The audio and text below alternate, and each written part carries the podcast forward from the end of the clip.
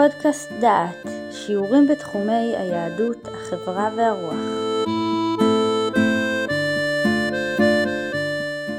ברוכים הבאים לפודקאסט דעת, לפגישה ה-25, הפגישה האחרונה של הקורס. הנושא שלנו יהיה הרצאות על ירושה.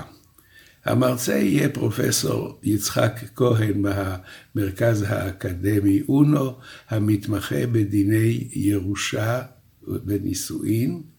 הנושא שלו יהיה ירושה עם צוואה וירושה בלי צוואה. שלום לכולם. שמי יצחק כהן, אני מרצה לדיני משפחה וירושה, והיום נדבר על ירושה על פי דין. ירושה על פי דין למעשה הוא נושא שחשוב לכל אחד מאיתנו, בין בחייו המקצועיים כעורך דין, ובין בחיים האישיים שלו. למעשה, ירושה על פי דין קובע מה יהיה ברכושו של אדם לאחר מותו לאריכות ימים ושנים. אז אנחנו נתחיל בפרק השני לחוק הירושה, שמדבר על ירושה על פי דין. יש פרק נוסף, הוא הפרק השלישי, שהוא מדבר על ירושה על פי צוואה.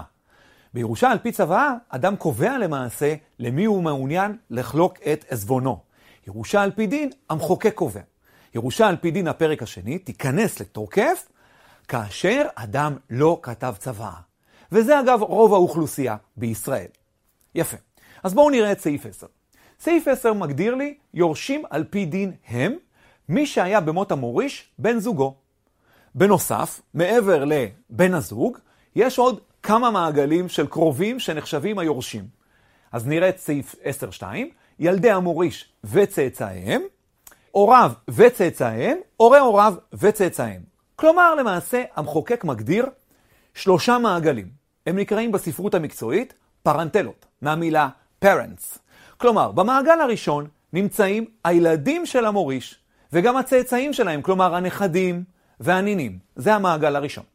המעגל השני הוא ההורים שלו, והצאצאים שלהם, שלמעשה הם האחים שלו, והצאצאים שלהם זה האחיינים שלו, זה המעגל השני. במעגל השלישי נמצאים הורי הוריו, שזה למעשה סבא וסבתא, והצאצאים שלהם שלמעשה הם הדודים שלו, ובני הדודים שלו וכן הלאה. יפה. אלו שלושה מעגלים.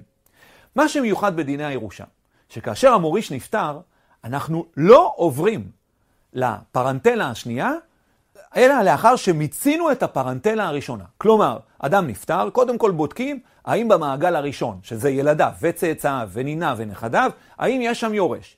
אם היה שם ולו אחד, כל הירושה תגיע אליו, ולא נעבור לפרנטלה השנייה. שאין לנו יורש, אז נעבור לפרנטלה השנייה ונחפש צאצאים. אפילו שיש שם רק אחד, אנחנו ניתן לאותו צאצא את כל הירושה של המוריש. והיה ולא נמצא גם בפרנטלה השנייה, במעגל השני, לא נמצא ולו אחד, אז נעבור לפרנטלה השלישית, שזה למעשה הורי הוריו וצאצאיהם. עכשיו בואו נראה מה אומר סעיף 12. ילדי המוריש קודמים להוריו, הוריו קודמים להורי הוריו. למעשה סעיף 12 אומר מה שאמרנו מקודם, שאנחנו לא עוברים לפרנטלה שנייה לפני שמיצינו את הפרנטלה הראשונה. עכשיו שימו לב למה אומר סעיף 14. ילדו של מוריש שמת לפניו והשאיר ילדים, הילדים יורשים במקומו. מה זאת אומרת? בואו ניקח דוגמה, יש לנו יעקב, הוא המוריש, ויש לו שלושה ילדים, ראובן, שמעון ולוי. אם יעקב נפטר, אז ראובן מקבל שליש, שמעון מקבל שליש, ולוי מקבל שליש. מצוין. מה קורה אבל אם ילדו של המוריש, כלומר ראובן, נפטר לפני המוריש? ראובן נפטר. אז אומר לי הסעיף שהילדים של ראובן באים במקומו. כלומר, יעקב נפטר, שליש אמור ללכת לראובן, שליש לשמעון, שליש ללוי, אבל ראובן לא נמצא כי ראובן כבר נפטר, זה מה שכתוב פה בסעיף. אז הילדים שלו מקבלים את החלק הזה שלו. כלומר, למעשה הם יקבלו את השליש ויתחלקו בו שווה בשווה, כל אחד יקבל שישית. אנחנו לא מחלקים את זה לארבע, שמעון ולוי ושני הנכדים. לא. אנחנו מחלקים את החלק הזה, הילד כאילו מקבל את החלק שלו, והיורשים נכנסים בנעליו. סעיף 14 מספר לנו כמובן על ילדים, אבל הוא לא עוסק רק בילדים. שימו לב לסעיף. ועל דרך זו יורשים ילדים של כל אחד מקרובי המוריש שמת לפניו. מה זאת אומרת? אותו מוריש נפטר. נאמר שאין לו ילדים בכלל. אז כמו שאמרנו מקודם, אנחנו עוברים לפרנטלה השנייה. בפרנטלה השנייה אנחנו מתחילים בהוריו. הוריו, שני בני זוג, כל אחד אמור לקבל מחצית, כי כמו שאמרנו, אין לו צאצאים, וגם כמובן אין לו בינתיים בן זוג. בהנחה שהוריו נפטרו, או אה, אחד מהם נפטר, אז היורשים, הילדים שלהם, נכנסים בנעליהם. כלומר, אדם נפטר, כל הורה אמור לקבל מחצית מהרכוש שלו, מהעיזבון שלו, ממה שהוא הותיר אחריו. נגיד שהאבא אבל כבר נפטר, אז הילדים של האבא, היורשים של האבא למעשה, נכנסים בנעליו ולוקחים את החלק הזה באותה צורה שדיברנו מקודם, כשיש לנו את יעקב, ראובן, שמעון ולוי. מה שאומר לנו סעיף ב', ילדים חולקים ביניהם בשווה, זה מה שדיברנו מקודם, הילדים מחלקים בצורה שווה, זה שליש, שליש, שליש, והילדים של ראובן זה אה, חצי בחצי ממה שמקבל ראובן, זה החלוקה שנקבעת בסעיף 14ב'. שימו לב, נשאל שאלה כדי שנראה שממש הבנו. יעקב נפטר, אין לו ילדים, אין לו גם נכדים, נשאר רק נין אחד. לעומת זאת, ההורים שלו בחיים. מי יירש? לכאורה, ההורים קרובים אליו יותר. אולי גם היה מעוניין לתת להם יותר. הנין רחוק ממנו מרחק ארבע דורות. מה לדעתכם? מי יירש? התשובה היא פשוטה, זה פרנטלות. אנחנו קודם כל בוחנים את הפרנטלה הראשונה, וברגע שיש לי שם אפילו צאצא אחד, הוא זה שמקבל את כל הירושה. ואם ליעקב זה לא מתאים, יש לו דרך אחת להתגבר על זה, והיא באמצעות צוואה, שזה הפרק השלישי. בצוואה הוא יכול לחלק את זה אחרת, לתת להורים יותר, לתת לנין פחות, לא חשוב, אבל במידה והוא לא יעשה צוואה, ברירת המחדל היא ירושה על פי דין. מה שקבע המחוקק. המחוקק כיוון לדעת רוב בני אדם, וזה מה שהוא הסדיר, ואם ההסדר הזה לא מוצא חן, אדם יכול לכתוב צוואה. אם נסכם, יש לנו בדיני הירושה, כשאין בן זוג, המוריש עצמו והצאצאים שלו זה פרנטלה ראשונה, אנחנו קודם כל מחפשים מוריש בתוך הפרנטלה הראשונה, היה ולא מצאנו, אנחנו עוברים לפרנטלה השנייה, שזה הוריו והצאצאים שלהם, והיה ולא מצאנו גם צאצא בתוך הפרנטלה השנייה, אנחנו עוברים לפרנטלה השלישית, הורי הוריו, סבא סבתא, דודים וצאצאיהם, ואם אנחנו מוצאים שם אפילו אחד, למעשה הוא יקבל את הירושה. חשוב לומר שאחרי שלושת המעגלים הללו, אחרי שלוש הפרנטלות, אין יותר יורשים, בשונה מהמשפט העברי וההלכה, ששם מחפשים את הקרוב ביותר, פה לא. המדינה נכנסת לתמונה אחרי שלושת המעגלים. תודה רבה ובהצלחה. שמי יצחק כהן, אני מרצה לדיני משפחה וירושה בקריה האקדמית אונו, והיום נמשיך ביחס לירושה כשיש בן זוג. בסרטון הקודם דיברנו על ירושה כאשר אין בן זוג, ולהזכירכם דיברנו על פרנטלות, שלושה מעגלים, זה כאשר אין בן זוג. וכשיש בן זוג התמונה קצת נהיית מורכבת יותר. בואו נראה את סעיף 11. בן זוגו של המוריש נוטל את המיטלטלין, כולל מכונית נוסעים, השייכים לפי המקובל ולפי הנסיבות למשק הבית המשותף. כלומר, כשאדם נפטר, בן זוגו מקבל קודם כל את המכונית, את המטלטלין, את המקרר, את מכונת הכביסה, שהיורשים, הילדים, גם נכנסים לתמונה ורוצים למעשה את המקרר או את המכונית. אנחנו קודם כל רוצים להבטיח לבן הזוג מה שנקרא המשך החיים השוטף. יפה. שימו לב שלא מדובר על הדירה, ולא מדובר על נכסי ההשקעה, ולא מדובר על העסק. לצורך זה אנחנו נראה את המשך הסעיף. אומר המשך הסעיף, 11.1, אם הניח המוריש ילדים או צאצאיהם, או הורים, חצי. כלומר, מעבר למה שבן הזוג לוקח ומקבל את המכונית והרהיטים וכולי, לגבי שאר הנכסים, וביניהם גם דירת המגורים, אם יש גם ילדים, אז בן הזוג מקבל חצי, והילדים מקבלים חצי. וכמו שאמרנו מקודם, אם אין ילדים, יש להם צאצאים, הצאצאים נכנסים במקומם. כך שלמעשה, בואו ניקח דוגמה, אם יעקב נשוי ללאה, ויעקב נפטר, אז קודם כל, אה, לאה מקבלת את המכונית וכולי, ומקבלת גם חצי דירה. את החצי דירה השנייה יקבלו הילדים, ואם אין ילדים יקבלו הנכדים. וכנ"ל גם ביחס לעסק של יעקב. קודם כל האישה תקבל את המחצית של המדינה הירושה, ולמעשה הילדים יקבלו את המחצית השנייה. יפה. עכשיו, מה קורה מעגל השני? אומר סעיף 2 כך, אם הניח המוריש אחים או צאצאיהם או הורי הורים. שימו לב שהפרנטלות פה הן לא ממש מקבילות לפרנטלות של סעיף 10 ו-11 שקראנו מקודם. מה זאת אומרת? פה כתוב ככה, בסעיף 11.1 כתוב ככה, אם הניח המוריש ילדים או צאצאיהם או הורים. כלומר, לוקחים פה חלק מהפרנטלה השנייה ומכניסים אותה ביחד לתוך הסעיף ביחד. כלומר, אם יעקב השאיר ילדים, חצי חצי עם בת הזוג. אבל גם אם יעקב לא השאיר ילדים, והוא השאיר מהפרנטלה השנייה את ההורים, אבל רק את ההורים, אז גם כאן האישה תחלוק חצי וההורים יקבלו את החצי השני. זה נכון למשל כשאין ילדים. אדם נפטר, נשוי, חמש שנים, אין לו ילדים. במקרה כזה, בת הזוג תקבל חצי, וההורים שלו יקבלו את החצי הנוסף. יפה. 11.2 מדבר על מצב שבפרנטלה הראשונה, כלומר הילדים וצאצאים, אין אף אחד, וגם ההורים לא נמצאים. במקרה כזה אומר לי הסעיף כך, אם מניח המוריש אחים, או צאצאיהם, או הורי הורים. כלומר, שימו לב, מדובר פה על ש- שארים של הפרנטלה השנייה, צאצאים ומטה, לא ההורים, ההורים שייכים כבר לפרנטלה הראשונה, צאצאים או הורי הורים, כלומר חלק מהפרנטלה השלישית, וזה מופיע גם בתרשים פה. במקרה כזה, החלוקה קצת משתנה. מה אומר הסעיף? בת הזוג או בן הזוג יקבל שני שליש מהנכסים, כלומר גם מהעסק, גם משאר הנכסים, והיורשים האחרים, שהם או הצאצאים של הפרנטלה השנייה, או הורי ההורים מהפרנטלה השלישית, הם יקבלו שליש בלבד. ולמה אפשר להבין? המעגל קצת התרחק, אז אנחנו מעדיפים את בן הזוג, אנחנו מניחים שכך היה מעדיף המוריש להוריש את חלקיו.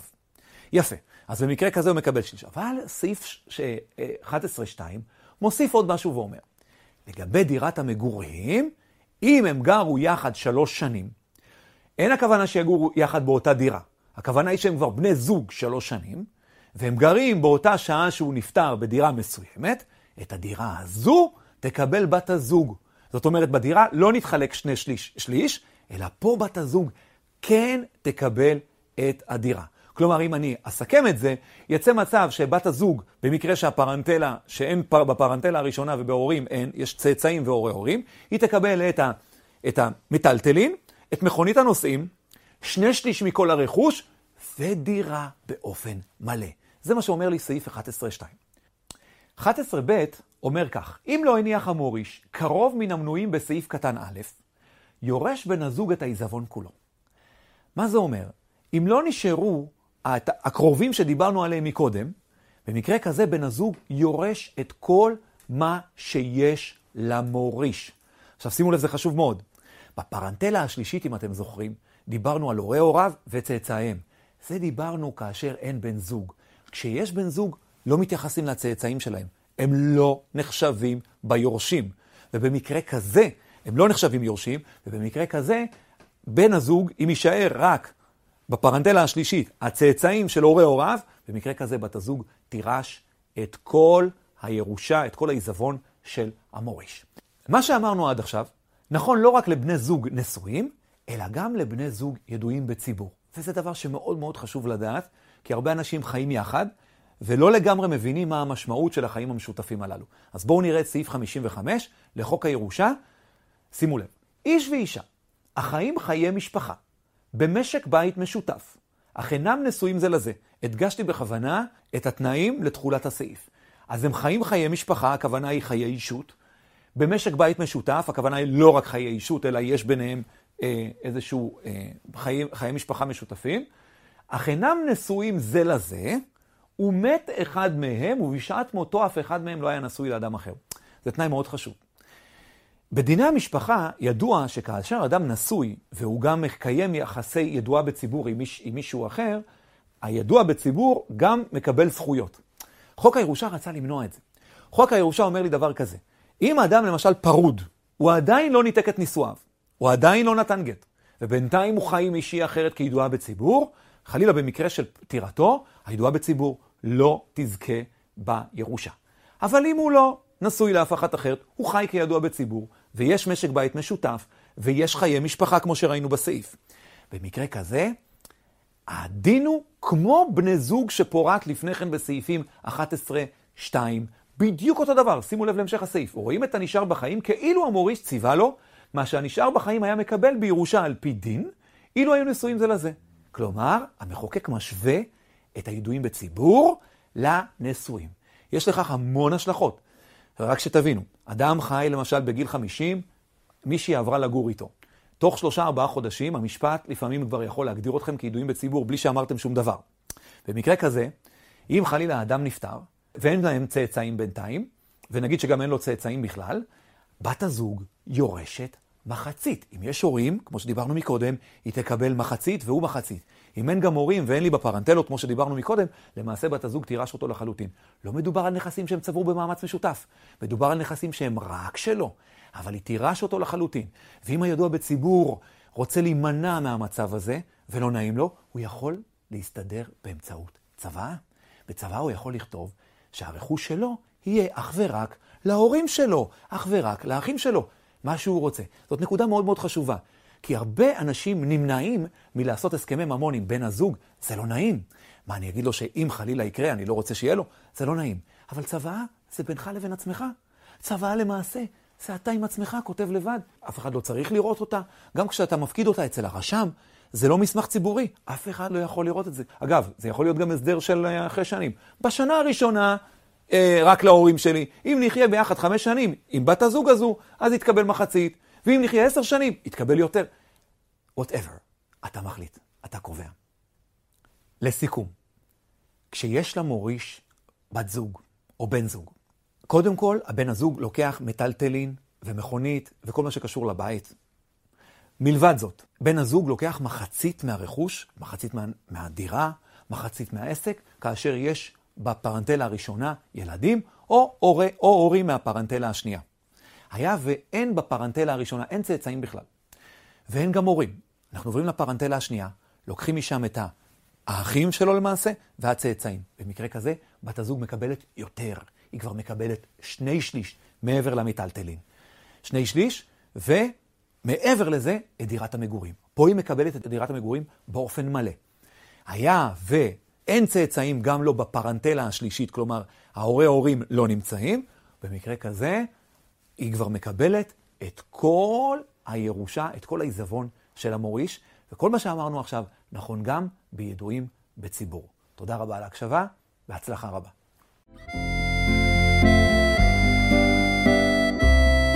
שמעתם שיעור מתוך הקורס המשפחה בישראל, מאת פרופסור יהודה איזנברג.